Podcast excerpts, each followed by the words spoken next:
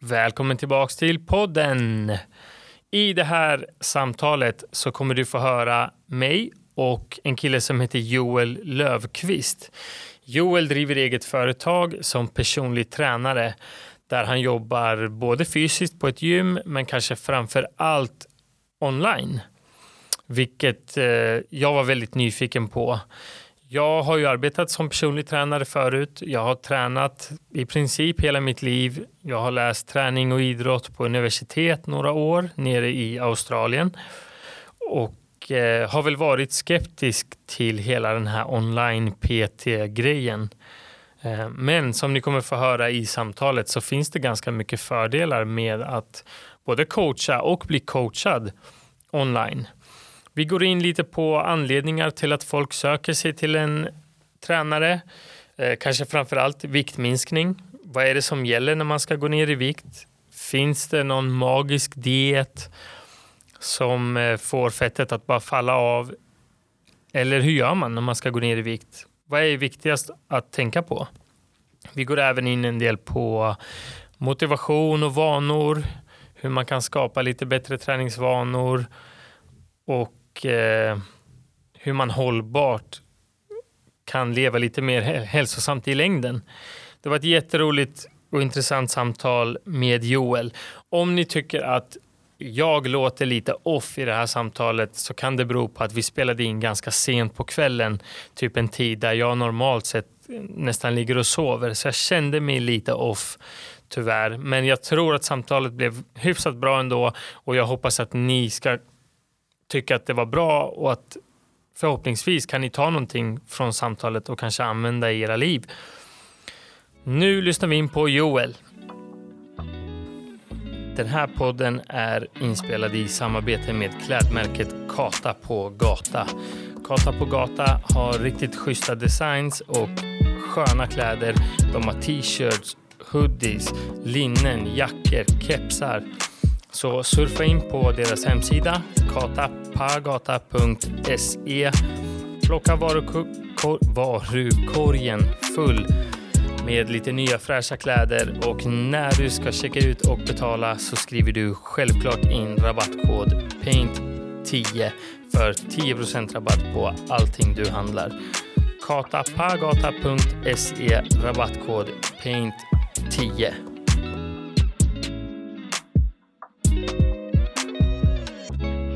Vem har vi i studion? Joel Löfqvist, eh, vad ska man kalla mig? Pet, stans PT. Stans, stans PT, stans bästa PT, eller? Ja, det vågar jag inte uttrycka mig om.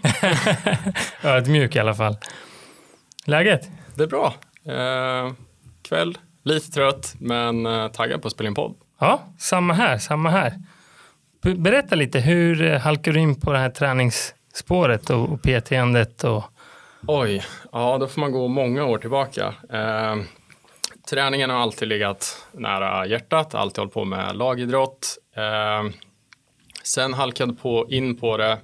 Det började egentligen från dåliga vanor. Eh, jag festade otroligt mycket, eh, hamnade in lite fel umgängen och kände att ja, men jag var tvungen att göra någonting åt det. Eh, jag var alltid en smal kille och eh, jag hade inte en skön självkänsla. Så det var så det startade min träningsresa på egen hand. För att när man håller på med eh, lagidrott då är det väldigt enkelt. Du har bestämda tider, du har en tränare, du har kompisar, du har den här draghjälpen. Eh, så att där kände jag att nej, nu börjar min resa. Så att eh, runt 2021 någon gång eh, började jag styrketräna och sen dess har jag hållit i i tio år och varit eh, eh, det absolut största intresset jag haft. Ja, så men, ja, du menar 2011, inte 2021? Exakt. Ja, Exakt. Ja, tio år. Ja, vad nice. Och nu jobbar du med träning fulltid? Idag jobbar jag med det fulltid. Ehm, jag kommer från byggbranschen från start ehm, och ja, du är ju själv i byggbranschen och du vet att mm. det är en slitsam bransch. Jag vet att många säger att ah, det är så jäkla bra träning. Eh, absolut, motion i all ära, men det är slitigt. Och jag kände att jag kommer inte vilja vara i den här branschen för resten av mitt liv. Och eh, träningen kom till mig automatiskt. Att jag satt gärna hemma, läste på, eh, intresserade mig, ville fördjupa mig kring styrketräning, kost, olika vanor, sömn. Och eh, sen sådde det lilla fröet att jag skulle vilja livnära mig på det här och det vore fåfunnat. Och eh, idag gör jag det, så det är skitkul. Ja, fan vad häftigt. Jag har ju, ni som lyssnar kanske inte vet, jag har ju själv jobbat som personlig tränare och tränat ja, hela livet i princip och läst träning på universitet i Australien och lite så. Eh, men jag har inte jobbat som Peter på ganska länge. Men det jag var väldigt nyfiken på med dig är för att du kör väl, dels jobbar du på ett gym. Stämmer. Men en väldigt stor del av ditt jobb är online. Ja, eh, jag skulle säga att 80 procent av min verksamhet eh, är online. Ja. Eh, resten tränar jag lite företag, men också ja, fysiskt personer på gym. Men oftast är det klienter som jag redan har online. Ehm, så att så ser det ut idag. Ja, coolt. Jag har varit, alltså lite skeptisk till det här online PT-grejen och det var lite därför jag ville, eh, eller det är väl en del av det jag ville prata med dig om, för att jag har väl upplevt, i alla fall när det drog igång, den här online PT-grejen, att det kändes så här väldigt oseriöst. Eller så här, hur, kan jag, hur kan jag träna någon när vi inte ens ses? Hur kan jag visa hur man gör? Hur kan jag... Men, och sen är det ju också att det finns väldigt många oseriösa tränare där ute. ja. De är, kan man lite om träning är de ganska lätta att hitta. Ja. Men vad jag har märkt är att det är ganska lätt att hitta bra tränare online också. Sen blir det väl en limitering i vad man kan göra online, eh, antar jag. Så är det, absolut. Eh, men eh, jag, jag vet inte, jag har blivit... Det, det drar i mig lite grann den här online-grejen. För det mm. känns väldigt smidigt, framförallt för dig, men också väldigt smidigt för dina klienter. Absolut. Eh, den största skillnaden är ju att du kan inte vara med fysiskt realtid när någon exempelvis gör en övning. Då kan du direkt vara på plats. Eh, du kan justera, du kan pusha på ett annat sätt. Eh, sen alla har inte råd att ha en PT liksom varje träningspass. Så att köra digitalt är ett väldigt bra komplement. Eh, och har du tränat ett tag redan så kan du oftast grunderna. Och den absolut största fördelen med att köra digitalt är kontakten man har mellan klienten. Eh, tränar jag någon fysiskt i ett gym och har bara klienten i gymmet så tappar jag klienten i veckorna eh, tills nästa gång vi ses. Eh, så att även visst, jag förmånerna med online är att man får det här helikopterperspektivet i att du kan se när den tränar, du kan se hur den gör progression, vilka vikter den lyfter, eh, hur den sköter kosten, mått, vikt, alla de bitarna. Eh, men det absolut viktigaste och det största jobbet som jag gör, det är kommunikationen eh, som jag har med klienten. När det är svårt, när det är tufft, eh, när den inte vill fortsätta. Det är de grejerna som är absolut viktigast.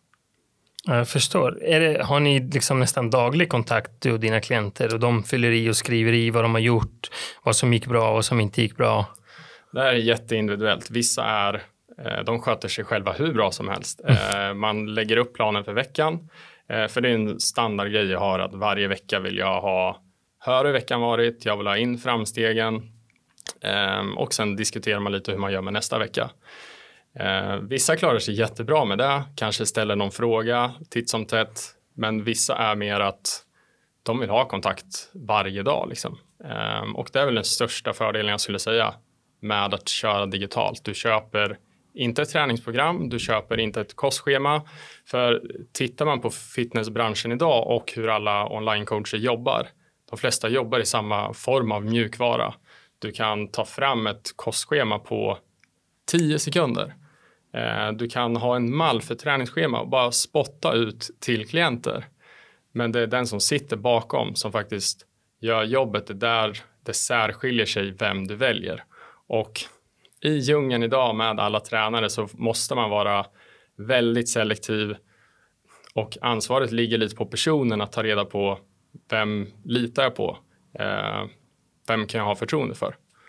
Ja, men så är det ju verkligen. Och eh, just det du sa, att det är så enkelt idag för, som, som tränare att få fram ett kostschema, eh, träningsprogram och man ser ju det om man, om man scrollar lite på Instagram eller vad som helst att det är många tränare som bara har tre träningsprogram och så bara skickar man det till alla sina klienter. Ja. Men klienterna har helt olika kroppar, helt olika mål, helt olika och det är väl den biten som har fått mig att känna så fan vad oseriöst liksom. Men det måste ju uppenbarligen inte vara, vara så. Eh, så att det är jävligt intressant och det låter ju fantastiskt och vad många fler människor man kan nå. Ja, många fler. Man behöver inte vara fysiskt på plats. Eh, du kan coacha nationellt och du sparar en summa pengar. Eh, vi lever ändå i en digital värld. Eh, det går att skicka videoklipp till varandra. Det går att skicka ja, men filmklipp när du tränar. Kan jag få se hur du utför den här övningen? Varför får du ont just där? Och jag kan skriva generella saker, men oftast vill jag se. För att alla är, precis som du säger, väldigt olika och det märker man när man tränar någon fysiskt i ett gym. Även fast jag kanske visar en övning tre gånger och personen lägger sig där. Den gör helt tvärtom. Eh, så det mm. är det är därför jag tycker det är så viktigt att också ha coachat i ett gym men också digitalt för att kunna se den skillnaden. Mm. Häftigt. Vilka söker sig till dig och varför? Uff, bra fråga. Eh, de som söker sig till mig är oftast de som vill få en lägre fettprocent, vill gå ner i vikt och komma igång med sin träning. Eh, oftast är målsättningen att jag vill gå ner x antal kilo Ehm, då har de oftast en bild i huvudet av att skulle det stå så här mycket på vågen så skulle jag må så här mycket bättre. Mm. Och jag brukar alltid ställa en motfråga. Om du gick till vågen nu och det visade på andra siffror, skulle du verkligen må bättre? Och det är oftast deras första mål och det enda målet. Men oftast när vi är klara, de pratar aldrig om vikten utan de pratar om rutiner de har implementerat, hur mycket starkare de har blivit, piggare och vanorna som eh, de har fört in i sitt liv. Mm, häftigt. Vad, är, eh, vad skulle du säga är de största problemen som dina klienter har? Eh, de största problemen, problemet är ju oftast det som sitter mellan våra två öron. Ehm, och det största problemet och som jag tror återigen till fitnessbranschen eller alla influencers som vill influera sitt och det är att många hela tiden ska tala om att träning ska vara så himla roligt hela tiden, att allt måste vara så roligt. Och då kommer det till det här att många väljer att ge upp för att de har den här tron att det måste vara roligt liksom. Annars vill jag inte och är jag inte motiverad så vill jag inte. Så att oftast är det här med motivation. Det var inte för mig just nu. Eh, det är väl det största problemet. Ehm, och jag tycker det är viktigt att vara ärlig där hos en klient. Exempelvis i starten så är det oftast tuffast. Eh, du får en brutal träningsverk. Det är jobbigt mentalt att bara ta sig dit. Ehm, och berätta det. Säg att det är tufft i början. Eh, berätta att det inte kommer bli lättare, men att du kommer bli starkare. Det är lite som att fråga en elitatlet som tränar. Liksom ja, är din träning lätt nu? Nej, de pushar sig hela tiden. Och det är lite så jag ser på träning generellt, att träning är någonting som du gör för att bli bättre än du var förra gången. Mm. Ja, skulle det vara så att träning blir lätt så har man nog för lite vikter på, på stången. Inte att man alltid behöver ta ut sig till max eller så, liksom. men om jag blir starkare och starkare och starkare men när jag har blivit starkare, går tillbaka till lättare vikter, då ger ju inte träningen lika mycket längre. Liksom. Nej men så är det. Det är inte alltid kul att träna. Nej. det, och det är inte för någon, varken mig eller dig, eller, det är inte alltid roligt. Nej, jag försöker vara ärlig där själv. Det är många gånger jag står där. Jag, bara, jag vill inte vara här. Eh, och ibland kan jag känna så i flera veckor. Men det handlar ju om att fortsätta för att det går över. Det är en pendel som kommer och går och verkligen förstå varför man gör det. Vad är din målsättning förutom att bara gå ner de här kilorna? Nu går vi inte ens in på det att om vi ska tänka att gå ner i kilon och träna sig för att gå ner dem är ingen smart idé heller, utan hitta syftet. Okej, okay, varför tränar du? Jag vill träna för att få bättre kondition. Jag vill träna för att bli starkare, rörligare. Det behöver inte ens vara styrketräning. Eh, men om enda målsättningen är att vågen ska visa några antal siffror eller att ah, det händer ingenting. Många ger upp där för att du har inget starkt varför egentligen eller någon form av målsättning. Mm, jag förstår. Vad är, vad är ditt bästa tips till folk som känner det här att det är svårt att fortsätta, man ger upp eller att man bara har svårt att komma igång? Ehm, just det här grejen med svårt att komma igång så tänker jag alltså, börja bara. Ehm, och jag tror att många har dels ett dåligt förhållande till träning av att det är ett jojo, alltså du vill av och på hela tiden. Att du måste träna fem gånger i veckan, annars är det inte värt det. Och du ser att den här veckan har jag inte möjligheten att träna fem, då skiter jag hellre i alla fem. Eh, så att börja med en lägre ambitionsnivå. Du, du kommer komma jättelångt på två gånger i veckan. Absolut. Eh, så att sänk den ribban lite. Eh, försök få in rutinerna, vanorna innan du väljer att börja öka. För annars kommer du springa rakt in i en vägg. Mm. Och om man har sprungit in i den här väggen? Du tänker att man ger upp? Ja, eller, eller inte nödvändigtvis att man ger upp, men att man känner att man är kanske på väg att ge upp. Att man känner att fan, det här suger, det suger varje gång, det har sugit i tre veckor nu. Jag vill inte. Mm. Eller inte, inte, någonstans vill man ju träna om man är där och gör det, men att det liksom inte blir värt det mentalt. Ja. Eh, jag brukar oftast fråga då liksom, hur många saker har du i ditt liv som du förmodligen gör varje dag som du inte vill?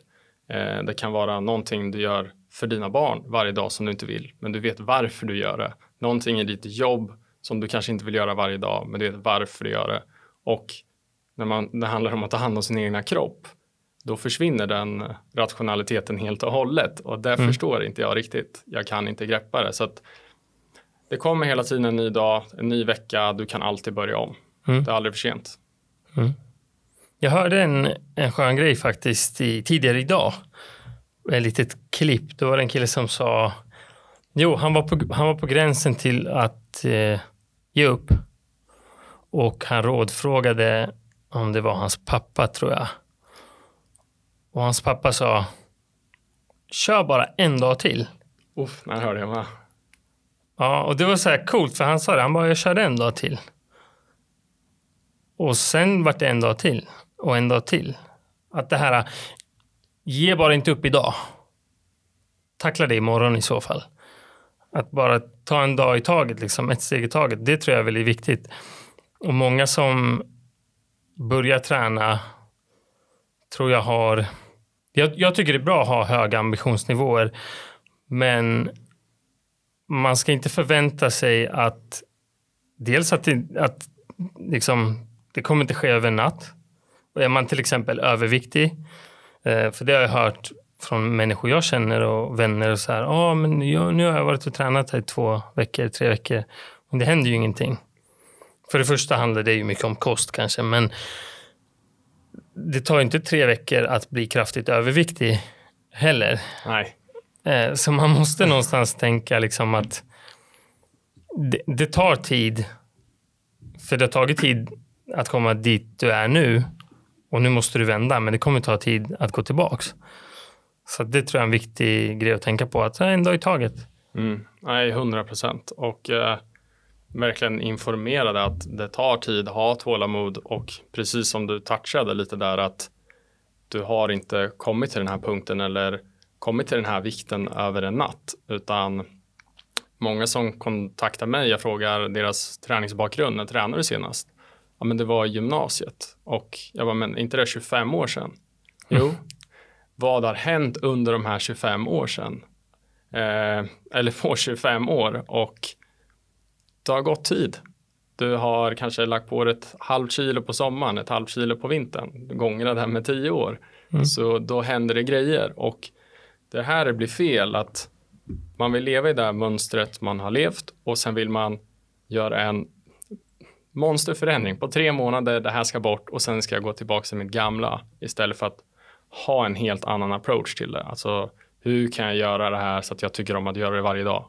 Eller så att jag förmår mig att ändå göra det varje dag. Lite som du vinner på, en dag till, en dag till, fortsätt bara. Eh, så att det är inte skitsexigt att träna och eh, äta lite mindre mat än vad man vill för att man vaknar upp varje morgon, man ser ingenting. Du vaknar upp nästa morgon, du ser ingenting. Men när du väl börjar gå en månad, två månader, du känner på kläder, du, människor börjar säga till dig att shit, har du börjat träna eller du ser ut att må mycket bättre. Eh, det är ju kul att höra istället för att bara titta varje dag, liksom, vad händer med siffrorna på vågen? Liksom, det händer ingenting, utan små milstolpar, små delmål hela tiden för att eh, lyckas, för det tar tid. Det gör det absolut.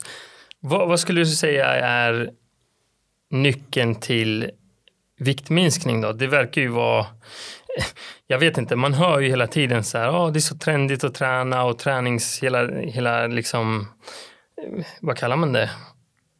Ja, men att röra sig och träna och vara ute, det är så inne och vi gör det mer och mer. Samtidigt så ökar ju övervikten, eller har gjort väldigt mycket i alla fall. Eh, vilket jag inte får ihop riktigt. Eh, fast det är ju klart, det, träningen ökar väl hos folk som är träningsintresserade och övervikten ökar ju hela världen hos folk som inte är så intresserade av träning kanske då.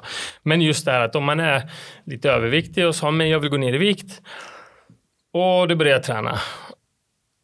Men som både jag och du vet som jag hoppas att kanske om någon lyssnar på det här och vill gå ner i vikt kan ta till sig så är ju träningen i sig en ganska liten del. Ja, extremt liten. I hur man går ja. ner i vikt. Jag vet inte, jag skulle chansa på 10 procent, 15 procent. Ja, du är nära. Eh, säkert någonstans där. Eh, det var länge sedan jag kollade på siffror, men det är ju maten. Ja, det är maten. Ja, och hur gör man då om man vill, om man vill gå ner i vikt? Den eh, korta versionen är ju att du äter mindre än vad din kropp gör av med. Alltså du äter mindre energi, du går in i en negativ energibalans. Någonting som ni säkert, ja, ni som lyssnar har hört om kaloriunderskott.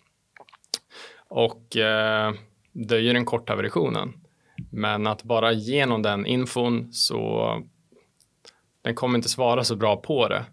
Eh, även fast det är enda sanningen. Så att lite som du var inne på att träning är extremt dåligt för viktnedgång, alltså i att förbränna kalorier.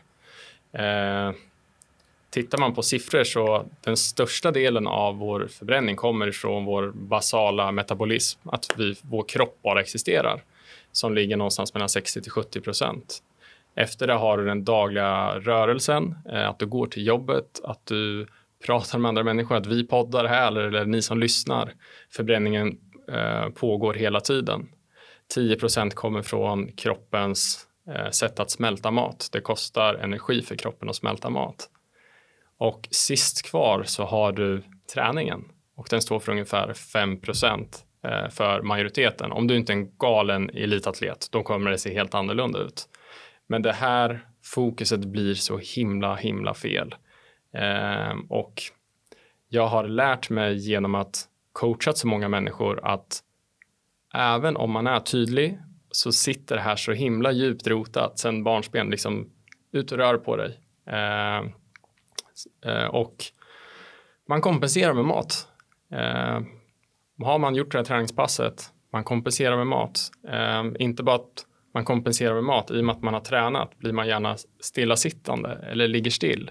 Så att det blir, det blir extremt kontraproduktivt av att ha det tankesättet istället för att, som vi var inne på tidigare, eh, att träna för att bli starkare, bibehålla muskelmassa, bli rörligare, må bättre, piggare, få endorfiner, alla de grejerna. För att i slutet av dagen, det handlar om hur mycket du äter. Mm. Mm, ja, men så är det ju och det kan ju vara väldigt svårt för gemene man att överhuvudtaget ha koll på eh, hur mycket man förbränner. Det, det varierar ju eh, mellan män och kvinnor. Det varierar från person till person, hur stor du är, hur mycket du rör dig, lite sådana saker. Men det, det är säkert väldigt svårt för de flesta att veta hur många kalorier man äter också. Gud ja. Och, Eh, och det blir ju väldigt svårt och då går man ju lite i blindo. Eh, hur gör, för jag menar när du coachar någon, lär du dem då hur mycket kalorier vissa mm, liksom, saker innehåller? Hur, alltså, är det så pass djupgående? Eller är det liksom mer att ja, men vi drar ner, vi, vi käkar mindre portioner eller vi liksom, hur funkar den biten? Uh, Det beror helt på personen jag jobbar med. Uh, Vissa är det väldigt enkelt. Där lägger jag upp en, en meny kan man säga. Vad de ska äta morgon till kväll eh, Där jag har räknat fram kalorier, protein, fett, kolhydrater. eh, Där de enkelt kan följa det. Men jag är väldigt tydlig med att det här är ett exempel på så här kan en dag se ut för dig. Eh, Vissa vill mer ha riktlinjer. De vill laga egen mat från eget huvud. Medan vissa känner sig inte bekväma i att räkna kalorier alls. Ehm, och då får man ge andra råd istället. Och lyssnar du nu och inte vill räkna kalorier, eh, även fast de ändå kommer räkna, så det bästa rådet är att äta tillräckligt med protein. Eh, protein är, kollar man på mättnadsindex så ligger protein extremt, extremt högst upp. Eh, protein vill du äta för att bibehålla muskelmassa. Eh, för när vi ligger i ett kaloriunderskott så är vi ju underskott på energi så kroppen måste ju ta någonting och vi vill ju att den ska ta fett och inte muskler. Eh, samt att det som jag var inne på tidigare, det kostar energi för kroppen att ta hand om maten vi äter och protein ligger väldigt, väldigt högt där. Så att inkludera protein i varje måltid.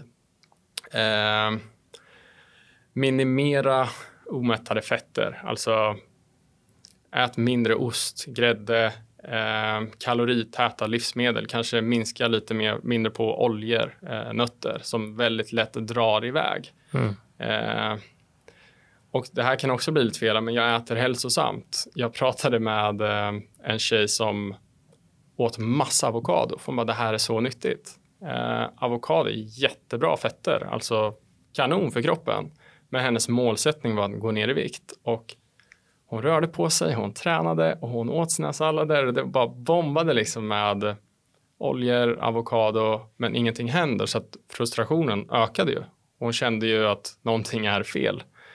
Eh, så att ät tillräckligt med protein, sen kan du börja räkna kalorier och utöver maten, rör på dig, alltså lågintensiv cardio, alltså gå mycket. Eh, se till att styrketräna. Det är väl de mest basic sakerna jag kan ge till någon som vill bara börja och komma igång. Mm. Coolt. Det här med kosten tycker jag är jävligt intressant. Jag är ju... Jag vet inte. Jag har provat och är ganska intresserad av typ keto och paleo och lite så här äh, stenåldersdieter. Nu äter jag precis vad jag vill. Jag har inga alls, jag räknar inga kalorier och jag har väl, försöker väl alltid äta hyfsat hälsosamt och sådär. Men min eh, tanke där, eller så som jag har känt när jag har ätit mer så, är att när jag äter fettrik mat så mättar det mig bättre så jag äter lite mindre.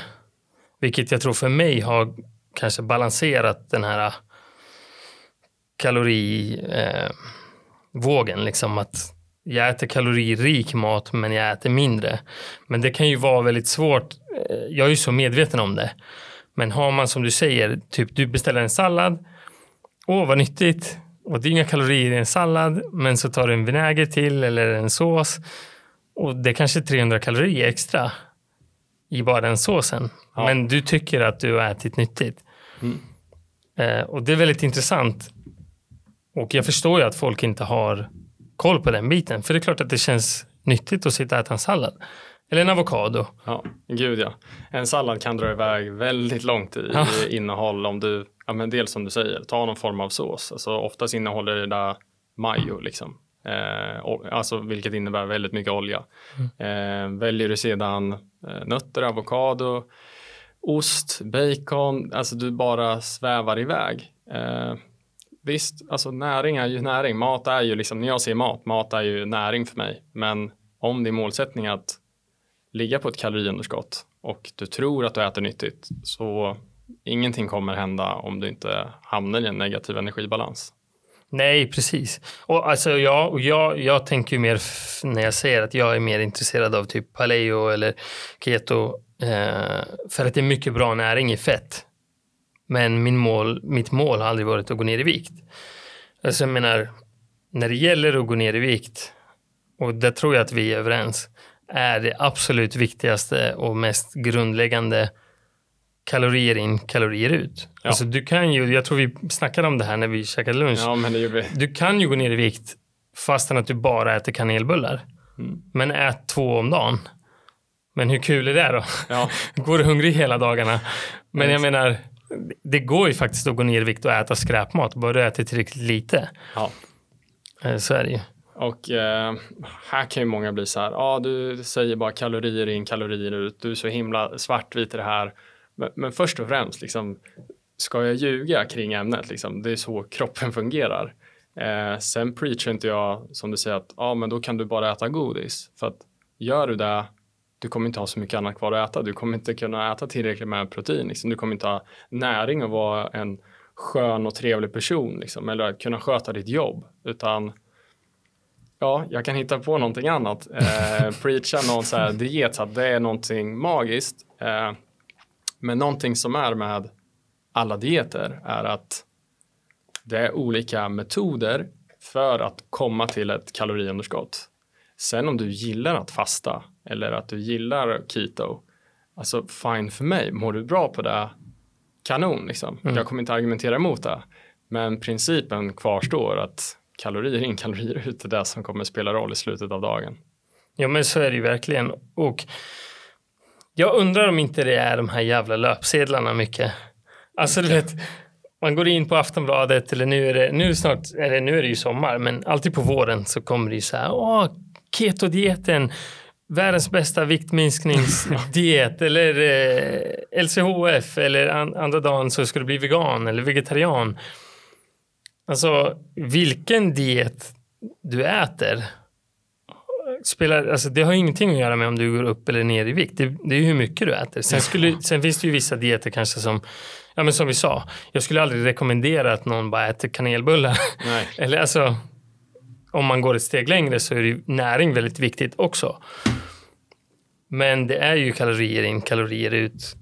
Gud, ja. som är, det är omöjligt att gå ner i vikt om du inte ligger på underskott. Ja, absolut. Eh, och tittar man på vanor där så handlar det inte om att ja, du kan göra det en dag, liksom, utan det mäts över tid. Vi kan säga över en månad, liksom. vad är det totala intaget?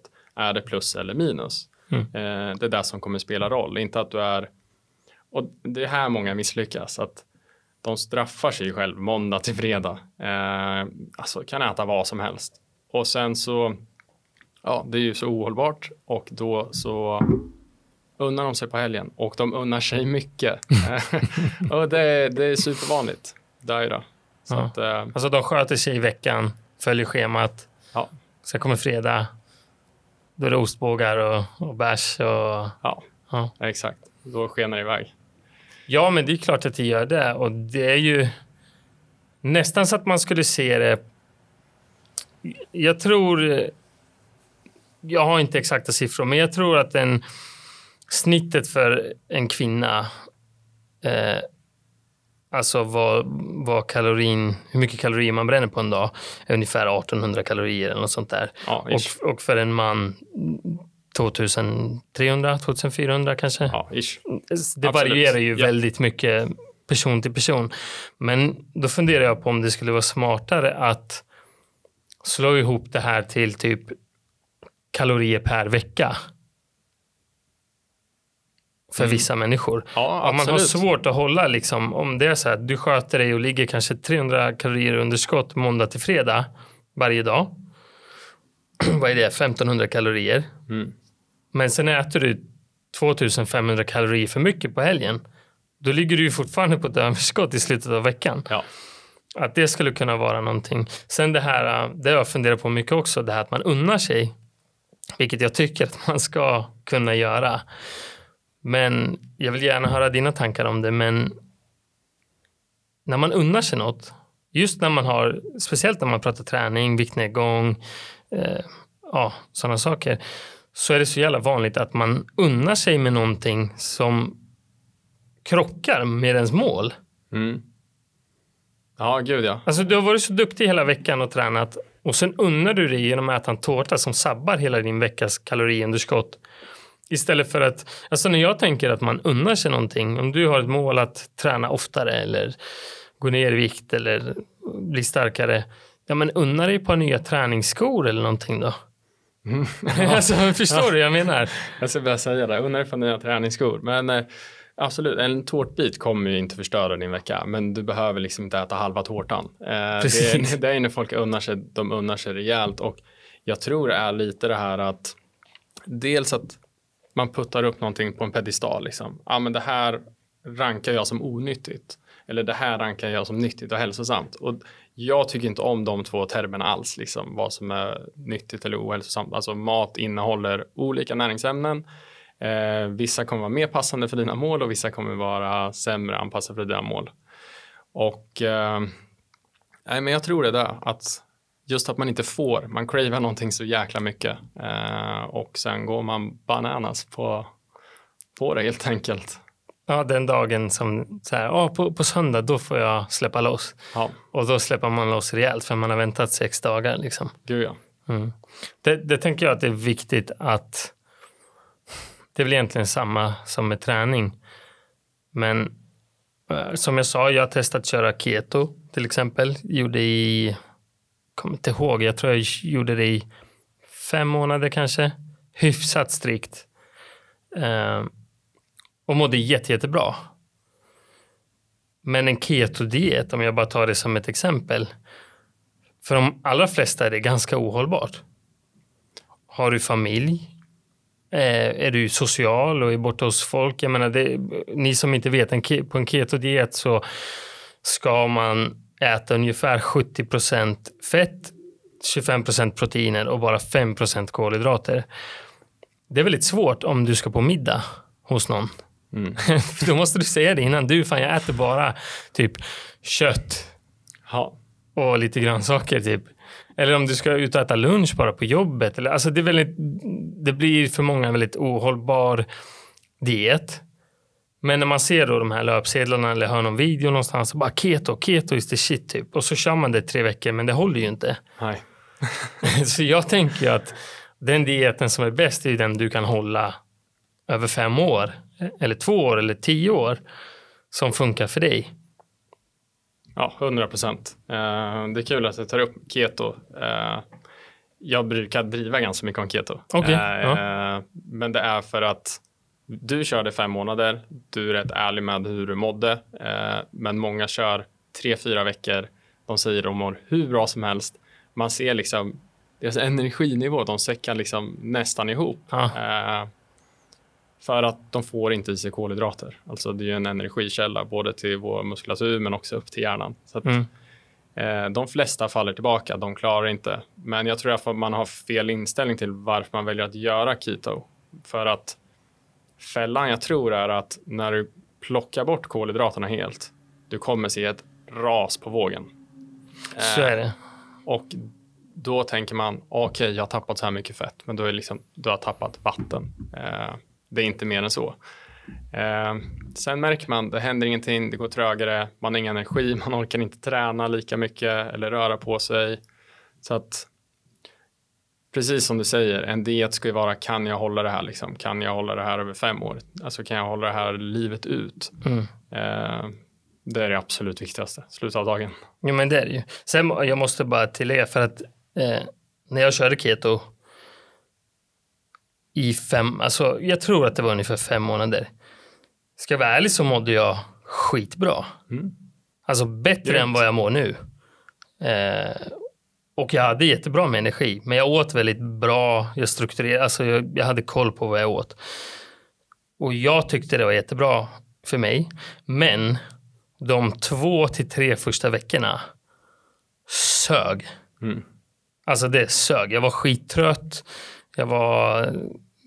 Ja, men, nej, de, det, var, det var tufft i början. Men jag vill inte sitta och säga att jag inte tyckte att det var bra, för för mig var det skitbra. Jag, jag tyckte att det var väldigt bra. Anledningen till att det var ohållbart var mer det sociala. Mm. Liksom så. Eh, men, men jag tycker att det funkade bra för mig. Och det är inget eh, råd till någon annan där ute att ni ska göra det, utan man får hitta det man tycker passar en själv. Verkligen. Eh, tycker jag. Coolt. Vad, är, vad skulle du säga just med kosten och dina klienter? Vad är, vad är folks generella inställning till mat? Har de, när de kontaktar dig, är det liksom, har de någorlunda koll på att kalorier in och ut är det som liksom styr? Eller är det mer, jag menar du kan ju äta 10 000 kalorier sallad. Ja, Eh, Jag tror många att bara jag äter sallad och liksom vad säger man? Ja, det som på ut, utåtsidan sett hälsosam mat, Hälsosam liksom. mat. är, är, är de flestas inställningar så. Liksom. De flesta har ju hört talas om kalorier. Ehm, Men eh, innan jag går vidare på kalorier så skulle jag, en skev bild väldigt många människor har och det är ordet fettförbränning. Vad fettförbränning faktiskt är. Eh, Fettförbränning är ju någonting som sker hela, hela tiden. Och eh, när många hör fettförbränning idag, när man eh, exempelvis pratar om en eh, kost där man eh, äter mer fett. Du kommer förbränna mer fett eh, för att du äter fett, men du kommer också lagra mer fett. Men det har absolut ingenting att göra med fettförlust. Och det här skillnaden måste komma in. Att det är fettförlust du vill uppnå, inte bränna fett, för det gör du hela tiden. Och återigen, man tänker, ja men jag sprang den här trappan, jag körde intervaller, jag körde så här hårt på gymmet. Och det är bara kalorier liksom och väldigt lite, ingen smart grej. Och eh, absolut, så att när folk kontaktar mig så är det ändå, de har en förståelse kring det, men de har ändå någonting som är väldigt djupt rotat i dem själva och har en tro om att gör jag så här så kommer det ändå fungera. Eh, så att det kan ta några veckor för vissa och verkligen få in det här eh, sättet att tänka på. Eh, absolut, men eh, framför allt är det att folk ger efter sina känslor när de känner att ah, men jag måste bara ha det här för att det stillar mitt begär i fem minuter. Mm. Eh, jag brukar säga när du står och tittar i kylskåpet nio på kvällen, alltså mat är energi. Alltså, ska du ha i dig mer energi nu, du ska sova liksom om kanske en timme, liksom. du behöver varva ner. Eh, så försöka få dem att se mat på ett annat sätt. Och alltså jag är inte emot någonting att oh, unna sig. Jag hatar alla de här, alltså mat är mat, men äta en pizza ibland, so what? Alltså en kväll, alltså det förstör så himla lite. Det är vad du gör över tid som kommer räknas. Så att eh, sluta stämpla mat som onyttigt eller sätt dem i fack eller straffa dig själv, utan visst, fuckar upp en dag, fortsätt imorgon, det är bara att gå tillbaka till planen. Du behöver inte göra drastiska förändringar där du ska plocka bort din frukost helt plötsligt eller ut och gå 25 000 steg, håll dig till planen för du vill hålla det här över en lång period. Mm. Så att, eh, ja, Cool, cool. Du, vad eh, fan tänkte jag på nu? Jo, men det här vi snackade om eh, innan, att när man halkar av, eller det som du sa precis nu, att så här, okej, du åt en pizza ikväll, fortsätt med planen imorgon. Upplever du att det är vanligt hos dina klienter att man, nu kanske de inte säger det till dig då, men jag tänker att så här, man, man straffar ofta sig själv. Typ så här, ja men nu åt jag två skedar glass. Fan, då är den här dagen förstörd. Då kan jag lika gärna äta upp hela paketet. ja, Är du med på vad jag menar? ja. Be- Jag vet inte, de kanske inte ens berättar det för dig, men är det något som du liksom upplever händer ofta hos... Det händer. Ja, gud ja. Eh, hela tiden. Eh, men det absolut viktigaste, alltså jag fattar ju att folk inte är robotar eller är perfekta. Eh, jag vill inte att någon ska sträva efter perfektion heller. Alltså är du 80 procentig, du kommer göra resultat varje vecka. Men logiken i att du tog en kaka eller två kakor, alltså du behöver inte äta upp hela burken. Den kommer inte jag förstå eh, varför man gör liksom. Man gör ju inte så i andra aspekter av sitt liv, att man failar upp någonting ordentligt och bara, ah, men nu fortsätter jag göra det lite till. Nej. Utan det kommer en ny dag imorgon och eh, bara gå tillbaka till planen. Det är Ja. inte värre än så. Det är väl som att typ tröstäta fast i en, en väldigt, väldigt liten grad. Ja, Eller något. Typ att man känner skam för att man har ätit en kaka eller två.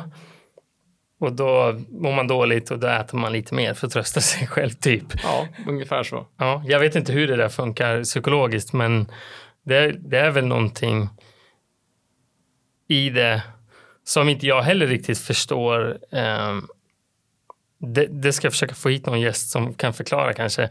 Men att man liksom, du gjorde ett misstag, lär dig från det. Ja. Men där, i, i just kost gör man tvärtom. Mm. Och unnar sig fel saker och fortsätter fast man vet att man känner ju någon typ av skam eller så här shit och nu måste jag prata med Joel imorgon och säga att jag käkade en hel burk glass med Nutella. Det känns ju inte skitkul men ändå gör man det. Ja. Men det är väl lite som allt egentligen. Oftast vill man ju dämpa en känsla och vissa är eh, mat. Eh, du får belöningen direkt. Alltså du vet själv, sträcker du efter någonting, du bara tugga på det, det är ingen ansträngning för dig. Och så är det väl med många saker man gör, att där du verkligen får offra för dig för längre fram i ditt liv är det som ofta känns riktigt, riktigt bra. Men det kommer vara tufft emellanåt. Du måste säga nej till dina känslor, eh, lita på processen och ha tålamod. Och det är just det, det är så lättillgängligt. Så att då kan man ju gå in på tips där liksom att ja, ha inte saker hemma om du känner att det är för jobbigt för dig.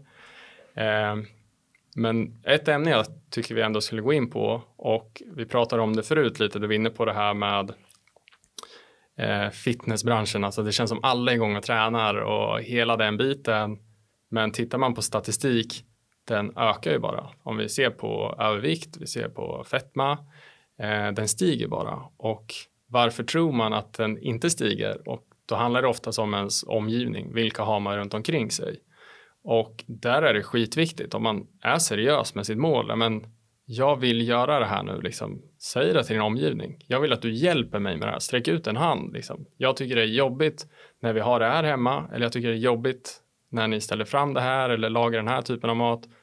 Sträck ut en hand, be om hjälp. Oftast så folk vill hjälpa till. Mm.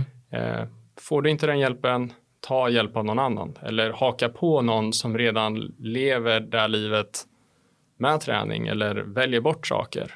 Eh, så det är också en viktig grej, inte bara det här, var disciplinerad, ha tydliga mål, men omgivningen påverkar oss extremt, extremt mycket. Verkligen, det gör det absolut. Det är något som jag kommer ihåg ur eh, en bok jag läste som han gav lite små tips just om det här och han, han hade någon rutin själv att säga men ja, han köper öl ibland men han ställer dem längst in i kylen där han inte ser dem. Ja. Då dricker han ju inte alls lika mycket. Och det är samma sak som att ha ett kakfat hemma men byt ut, ställ kakfatet någon annanstans och ställ fram en, ett fat med äpplen. Du kommer äta mindre kaka, jag lovar. Mm. Och sen är det så här supersimpla grejer som att typ gå inte och handla när du är hungrig. den, Den den är ju, ja men hur många gånger har man inte gjort det? Så här, fan jag är så jävla hungrig och jag åker och handlar. Och så kollar man ner i korgen när man är klar och bara det är ju bara kakor och skit. men alltså, Ja, gud ja. det är faktiskt Tänker man bara efter ett steg längre så är det ganska enkelt. Alltså, eller jag ska inte säga enkelt. För jag tycker det är en stor skillnad på simpelt och enkelt. ja. Det är väldigt, väldigt simpelt. Sen kan det vara svårt psykologiskt. Men det är ju simpla saker som kan göras för att underlätta väldigt, väldigt mycket vad gäller kost och träning och egentligen allt i livet. Ehm, så att just sådana saker, handla inte hungrig, ställ inte fram grejer. Eh, James Clear säger det i Atomic Habits. Om man vill skapa en god vana, gör det synligt. Om du vill få bort en ovana, gör det osynligt. Och det är en ganska bra grej att, att ha i baktanken. Verkligen. Sen ett annat tips som jag tänkte på innan vi startade podden precis. Och jag kollade upp, nu har jag inte exakta siffror, men jag kollade upp en studie som de hade gjort på en grupp människor som skulle träna och hålla sig till ett träningsschema. Då hade de tre grupper och det var, eh, jag tror första gruppen då sa de väl bara att ja, men ni ska träna tre dagar i veckan eller någonting sånt. Den andra gruppen sa de samma sak till, men gav typ, jag tror de gav typ en broschyr eller massa information om träning, varför träning är bra och hur det påverkar din kropp och hur, ja, hur det kan ha en positiv påverkan på ditt liv.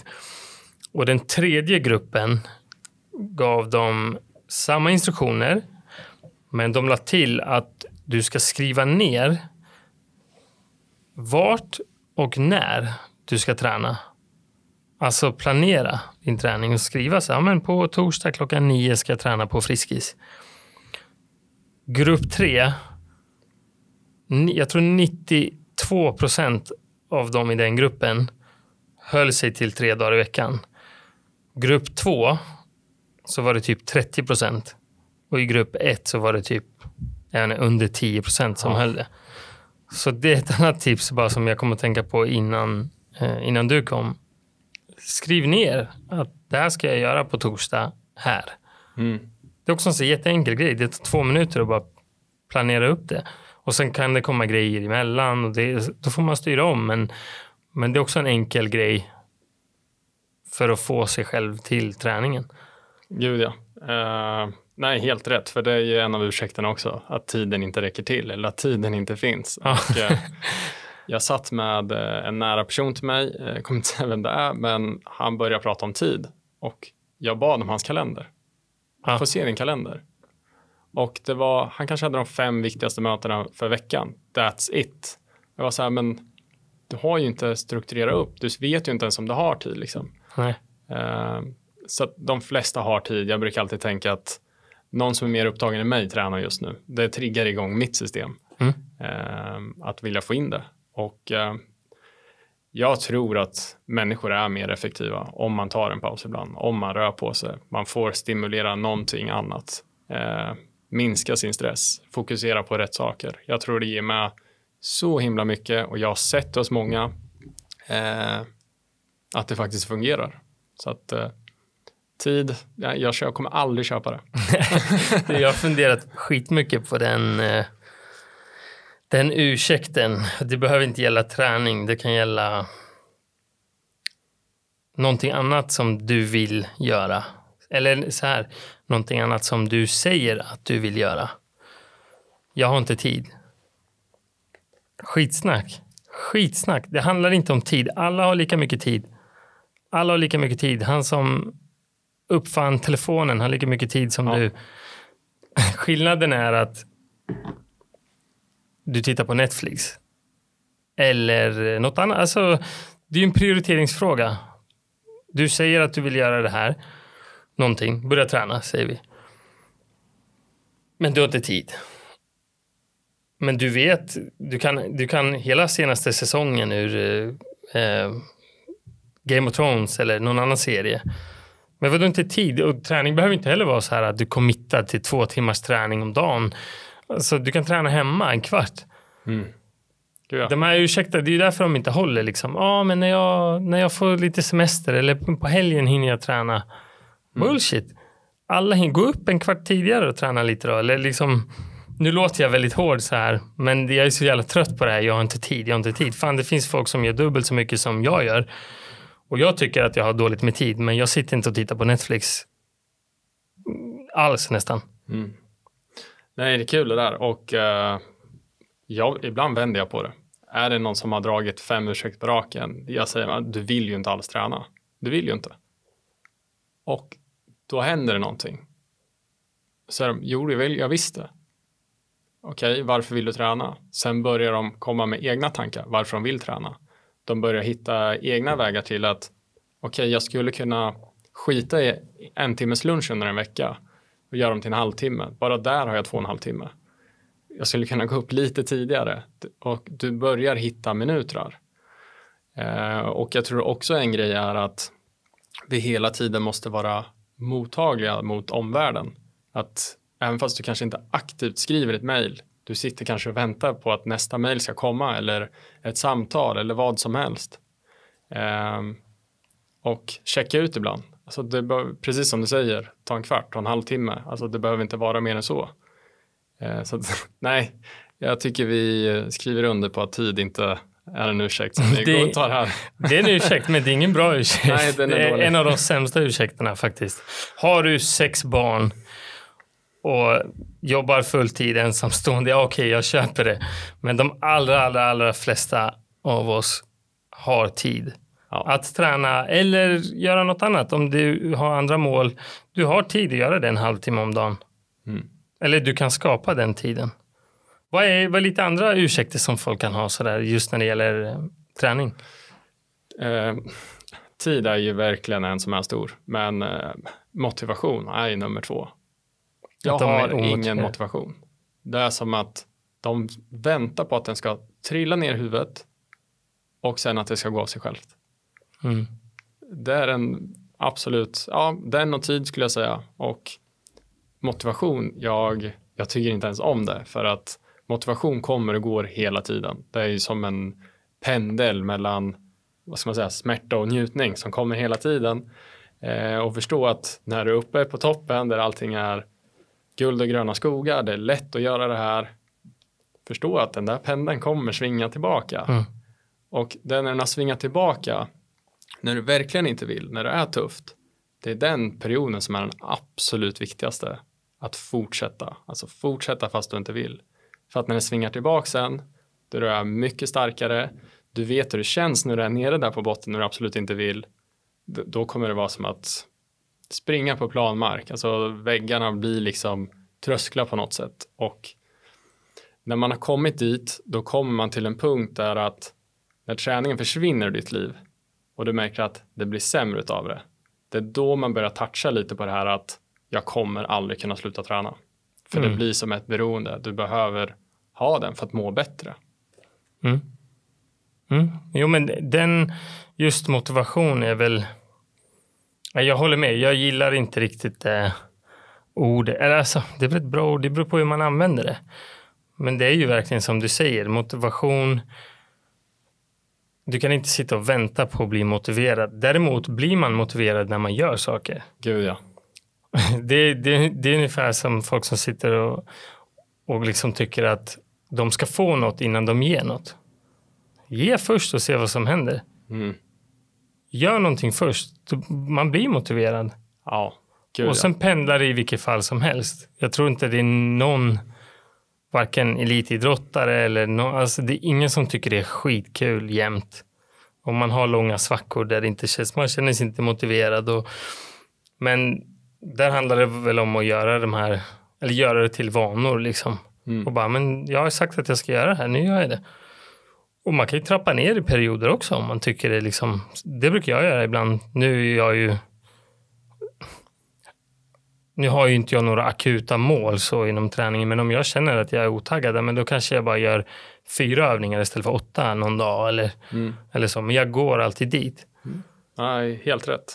Ja. Och eh, nej, skitbra att du tar upp det, för att man behöver ju inte träna som en galning jämt. Man behöver inte maxprestera jämt, utan ta en vecka ledigt om du känner att din kropp behöver återhämta dig. Alltså, eller gå ner på hälften av din träning, eller gör någon annan form av aktivitet. Simma en vecka, spela någon racketsport en vecka. Om vi säger nu att du vill styrketräna, byt ut där du gör, gå längre promenader, gå ut till naturen. Du kommer ändå komma tillbaka sen, men man behöver inte maxa jämt eh, för att man orkar liksom inte. Och ha den förståelsen som vi pratar om att, för det är också en ursäkt, att det är inte kul hela tiden. Mm. Eh, den och motivation hänger lite ihop och jag håller med dig att motivation den kommer ju oftast efter man har gjort någonting eller att man har gjort något, presterat, fått något resultat och bara shit, då blir man ju motiverad av det. Men den kommer ju aldrig komma först. Den kommer ju inte skänk från ovan och landar i huvudet, utan om man är i det stadiet då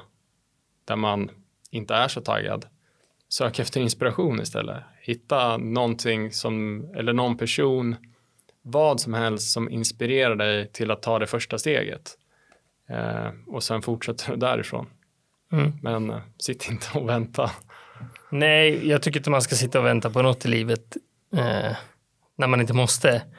Jag tror det, det, det är lätt hänt att man gör det i många aspekter i livet. Men eh, nej, man måste ta för sig. Verkligen. Sen, sen går det ju också, det använder jag ibland när jag är otaggad, att motivera sig själv eller inspirera sig själv som du säger. Det är ju bara att gå på YouTube och söka Crossfit Games eller något annat. Jag blir tokmotiverad när jag ser såna här, ser folk som liksom, shit, vilket monster liksom. Ja. Fan hur de köttar och jag är inte ens i närheten av vad de gör. Jag måste kunna ta mitt gymmet. Om han kan göra det där, då kan jag fan gå dit i 40 minuter och träna. Mm. Det funkar bra för mig. Det är inte alla som blir taggade av det, men, men eh, det går ju att hitta små, små guldkorn som kan motivera en i stunden också när man har en pissig dag. Liksom. Gud ja, verkligen. Ja, Och att det är okej att ha en pissig dag ibland. Eh, absolut. absolut. Och det är okej att hoppa över ett träningspass ibland också. verkligen. Det, men bara man kommer tillbaks på det. Liksom. Mm. Ja, du ska inte sluta nästa vecka. Planen är ju att fortsätta resten av livet. Så att en dag kommer inte göra så mycket. Nej, så är det ju. Coolt Joel. Har du något så sista tips till folk som eh, vill börja träna eller vill eller är otaggade just nu eller? Börja bara. Alltså helt ärligt, börja bara. Eh, lägg ribban ganska lågt.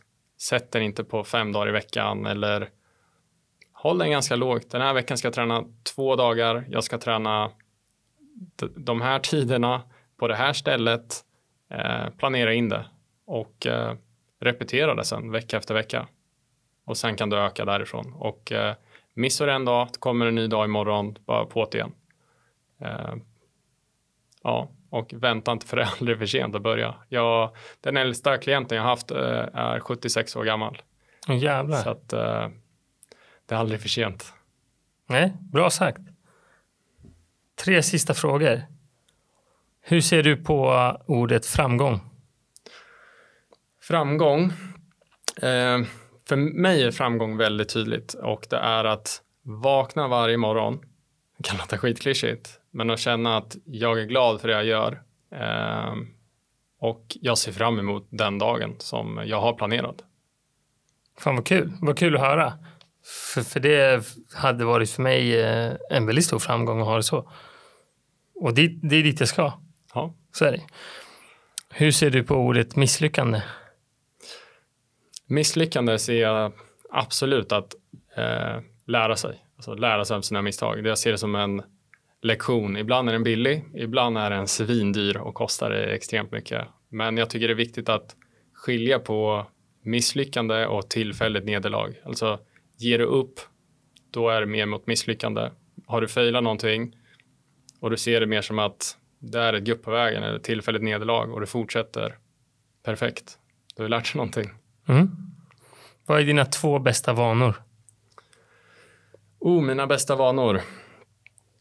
Jag har alltid en vattenflaska med mig. Mm. Jämt. Eh, jag dricker vatten. Eh, jag mår bra av det. Liksom. Eh, och oh, den andra. Jag äter alltid en bra frukost. Nice. Bra frukost är bra. Ja, Ja. det är bra. Bra ja, sätt det är att starta skitbra. dagen. Jag är helt tvärtom. Jag typ hoppar över frukosten nästan. Eh, jag ska inte säga varje vardag, men nästan. Men det är inte för att jag vill hoppa över frukosten. Eh, det är mer för att jag har det ganska körigt på morgnarna. Eh, och så. Så där måste jag bli bättre. Mm. Verkligen.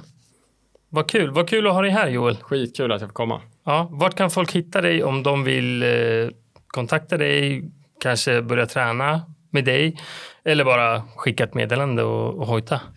Eh, sociala medier, Joel Löfqvist. Eh, eller så går ni in på fitbajoel.se. Där har ni alla kontaktuppgifter som ni behöver för att komma i kontakt med mig. Och någonting som jag skulle vilja ge med lyssnarna innan vi stänger av här är att om du har svårt att komma igång eller börja eller behöver någon som håller dig ansvarig, skriv till mig. Jag lovar att jag kommer följa upp dig varenda vecka om du har tränat eller inte har tränat och jag kommer att pusha dig. Det är bara att skriva till mig och eh, jag håller dig ansvarig.